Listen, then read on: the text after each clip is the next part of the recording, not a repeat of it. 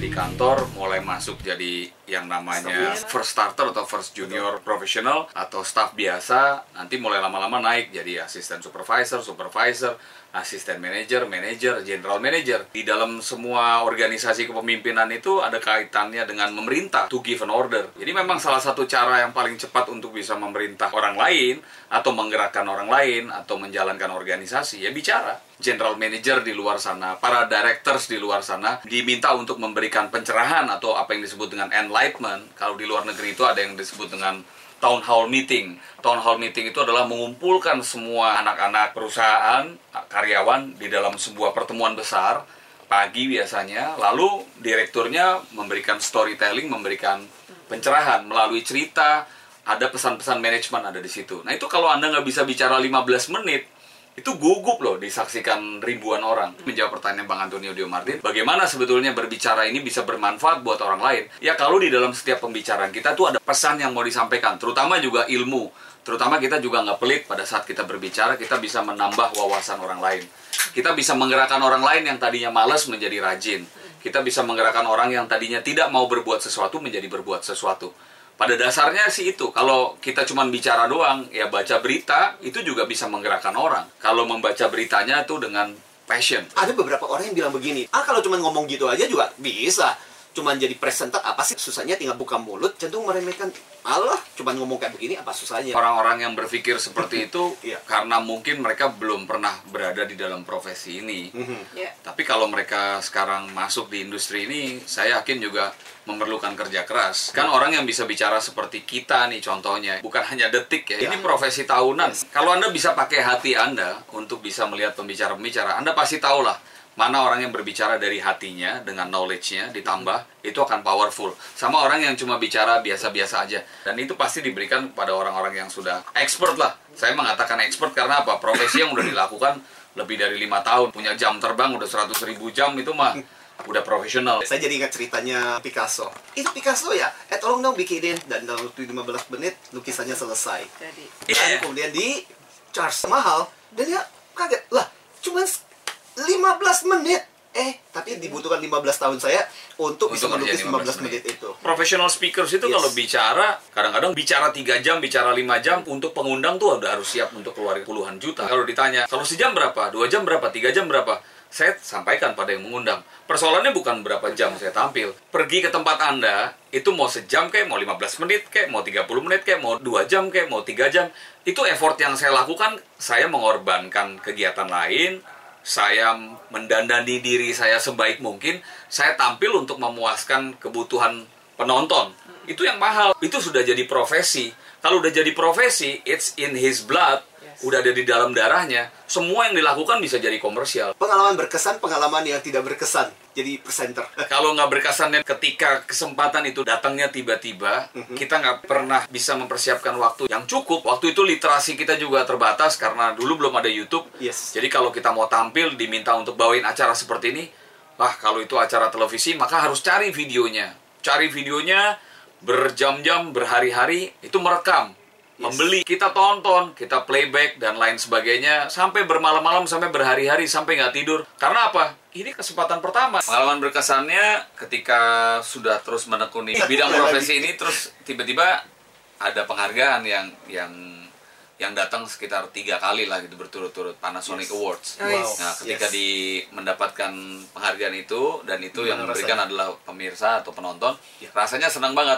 Tapi itu juga buah kerja keras kali ya. Ya. Karena tiap pastinya tuh. tiap hari, tiap bulan kerjaannya cuman itu terus menerus. Terus tiba-tiba dapat Panasonic Award untuk pilihan favorit pemirsa untuk pembawa acara pria terbaik tuh Terbaik, kan? tahun kalau nggak salah 299 2000 2001. Jadi itu Itu tiga Ya, tahun aku masih ingat acara kuisnya. Oh banyak, ya? macam-macam deh. Ada simfoni dulu, acara musik, terus ada kata berkait, Wheel of Yang Fortune, roda roda Roda Impian. Itu lebih kepada sesuatu yang dilatih sih. Jadi kalau cuma untuk tampil bicaranya mungkin karena sering lihat orang lain tampil di sekolah, kok kelihatan menarik gitu. Nah jadi itu satu faktor yang mungkin modal awal boleh lah ya.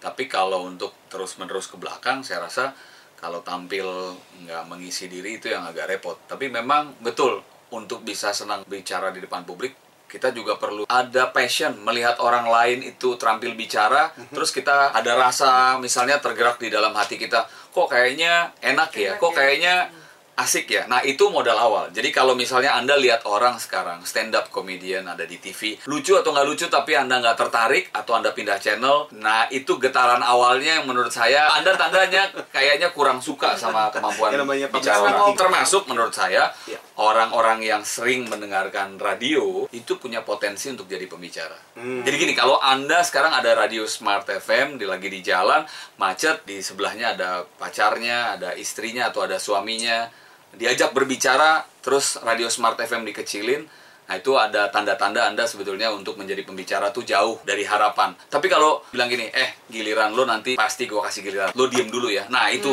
ciri-ciri orang bisa jadi pembicara. Karena dia rela, dia tahu bahwa kesempatan untuk mendengarkan ini mahal. Kalaupun misalnya di playback di media lain itu juga udah rasanya beda. Dengar live sama denger taping itu beda. Esensinya bahwa seseorang yang ingin melakoni dunia profesi sebagai pembicara harus tertarik melihat orang lain berbicara. Confidence itu kan adanya di dalam diri. Ya ini sebuah pekerjaan yang harus dilakukan berulang.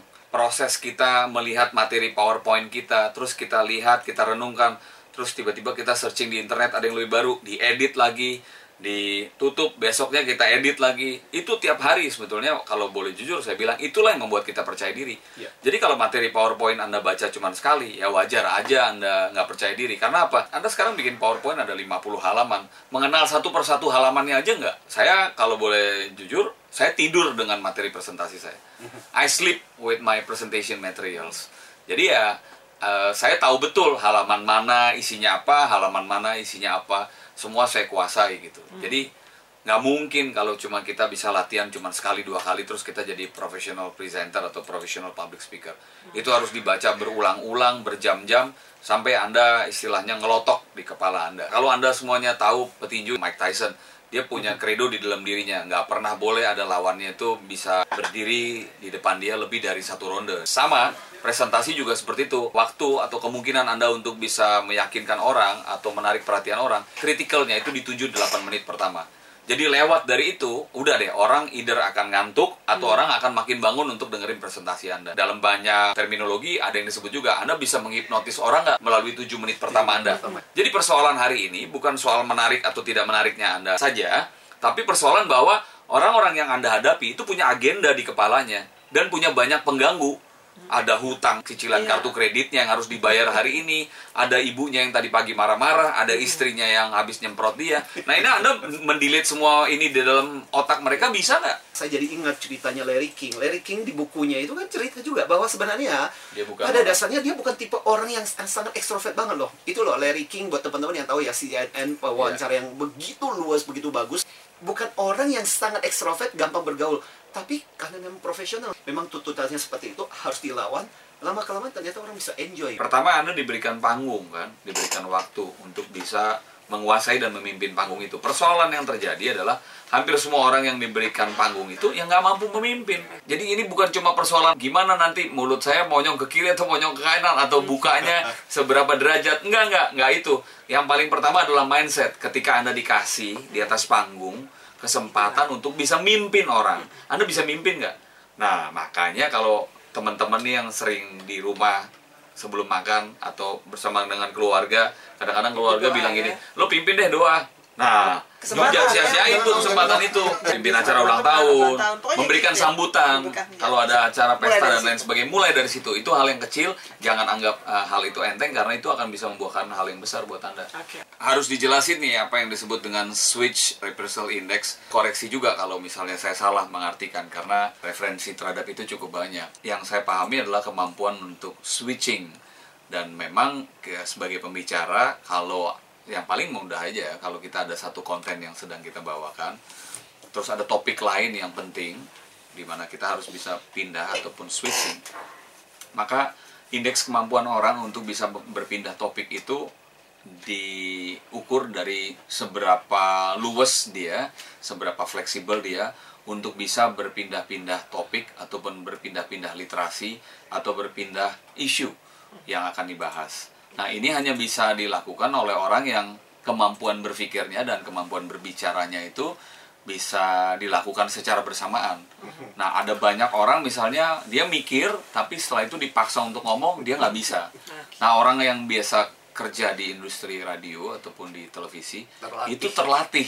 tapi ka- bukan juga berarti orang-orang seperti kita ini nggak pernah salah, pasti bisa gitu loh. Apalagi kalau misalnya hang atau misalnya kita badan kita ada di studio, badan kita ada di televisi, tapi pikiran kita tidak ada di sini. Nah itu bagaimana mau switch itu dunia lain yang masuk nanti ke dalam otak kita. Kemampuan switching itu akan sangat tinggi kalau misalnya jika diminta untuk menjadi moderator acara itu nggak pelit menjadi moderator di dalam setiap acara seperti hari ini yang jadi moderator ada dua ada Bang Antoni dan juga Mbak Mira itu akan menambah switching index capability dari setiap orang pembicara. Yang disebut pembicara bukan hanya pembicara utama, tapi pembicara yang disebut dengan moderator itu juga bagian dari pembicara karena moderator itu yang lead, lead the program. Narasumber utama itu hanya bicara pada saat dipersilakan. Nah, mereka nih yang harus bisa pindah antara satu orang pindah ke orang lain, pindah ke orang lain. Setelah itu bisa bahkan yang disebut dengan menggabungkan atau menyimpulkan. Alasan pertama kenapa banyak orang gugup itu karena memang frekuensi bicaranya kurang. Latihannya di mana? Ya di rumah, di depan cermin, di depan video, latihan. Apalagi sekarang hampir semua smartphone itu punya fitur video. Iya. Ya itu dipakai lah, Iya, direkam lah. itu bisa lat- jadi latihan yang Iya bagus bisa ya, jadi latihan. ya. Jadi Betul. sebetulnya smartphone ini menyediakan fitur video itu bukan cuma untuk ngerekam orang lain yang lagi tidur atau ngerjain orang lain. Iya, Nah itu ngeprank- untuk merekam gitu ya. diri kita sendiri dan mengukur dan ada progresnya. Ada ada 8B. Satu adalah belief. Kamu mesti yakin dulu, kamu mesti percaya dulu dengan dirimu. Be sure, be sure itu kamu mesti tahu dengan apa yang kamu sampaikan, betul-betul menghayati, menghidupi.